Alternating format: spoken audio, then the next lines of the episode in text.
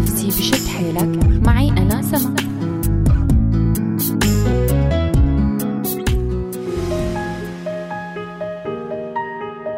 مرحبا. تمرد الإنسان على القوانين وشيوع الجريمة.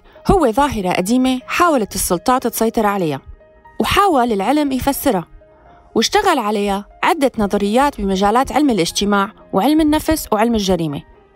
وفينا نقول إنه من أهم هالنظريات نظرية النوافذ المحطمة يلي حطوها جيمس ويلسون وجورج كلينج واللي ركزت على القوانين نفسها وتطبيقها أكثر ما ركزت على الفرد وأسباب عدم انصياعه واتباعه للقوانين.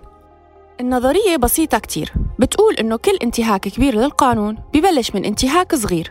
بعبارة تانية التساهل بالأمور الصغيرة هو يلي بيوصل للانتهاكات الكبيرة والجرائم يعني بالعامية النار الكبيرة أصلا شرارة. فمثلا إذا حدا كسر شباك بالشارع وما حدا اهتم رح يجي حدا تاني ويكسر شباك تاني بدون أي مبالاة أو إحساس بالذنب لأنه هو ما شاف أي اهتمام بكسر الشباك الأول.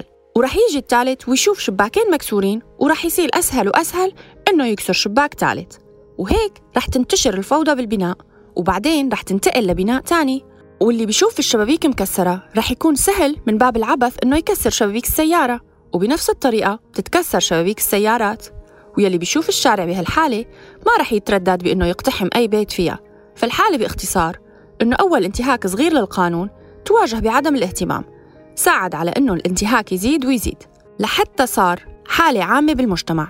ومع وجود هي الحالة العامة من الفوضى بتنتشر الجريمة وبتزدهر بشكل بتصعب السيطرة عليه.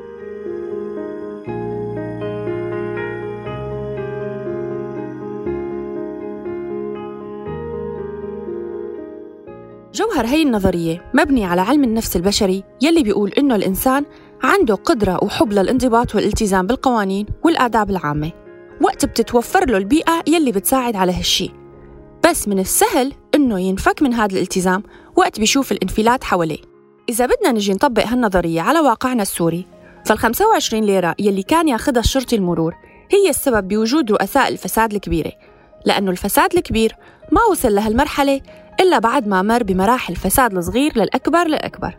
وسرقة الآثار يلي عم يتم تهريبها ما وصلت لهالمرحلة لولا التغاضي عن التنقيب العشوائي يلي عم بيصير ببعض المناطق على مستويات صغيرة.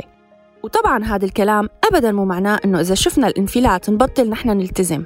بالعكس خلونا نحن نقلب الموازين ونبلش نطبق هالنظرية على حالنا ونضبط الأمور الصغيرة قبل الكبيرة ليسود القانون الكفيل بتنظيم حياتنا. وضلوا بخير. نفسي بشد حيلك. معي أنا سما.